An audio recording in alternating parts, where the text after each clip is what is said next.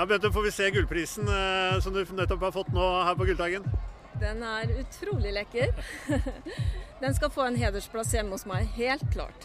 Jeg er kjempeprivilegert. Jeg har fått lov til å jobbe med kanskje de beste digitale talentene vi har i Norge.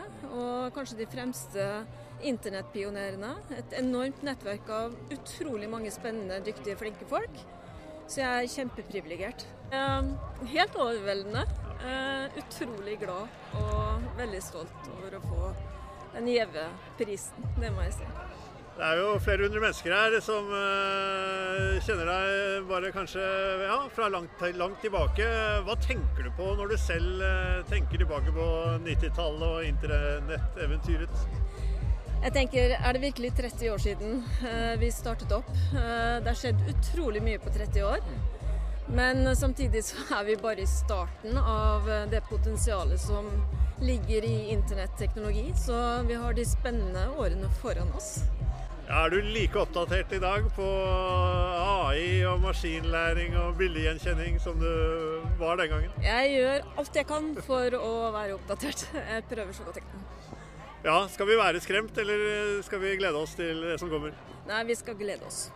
Det er uh, veldig mange av de nye teknologiene som er helt nødvendige hvis vi skal få løst de store utfordringene i næringslivet i dag.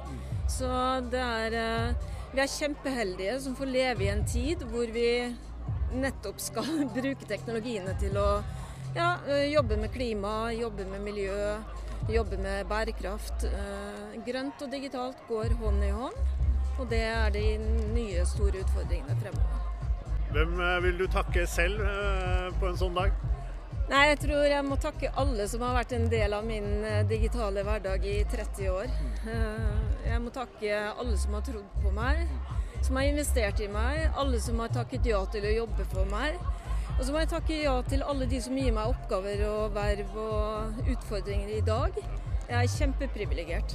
Jeg har fått lov til å jobbe med kanskje de beste digitale talentene vi har i Norge, og kanskje de fremste internettpionerene. Et enormt nettverk av utrolig mange spennende, dyktige, flinke folk.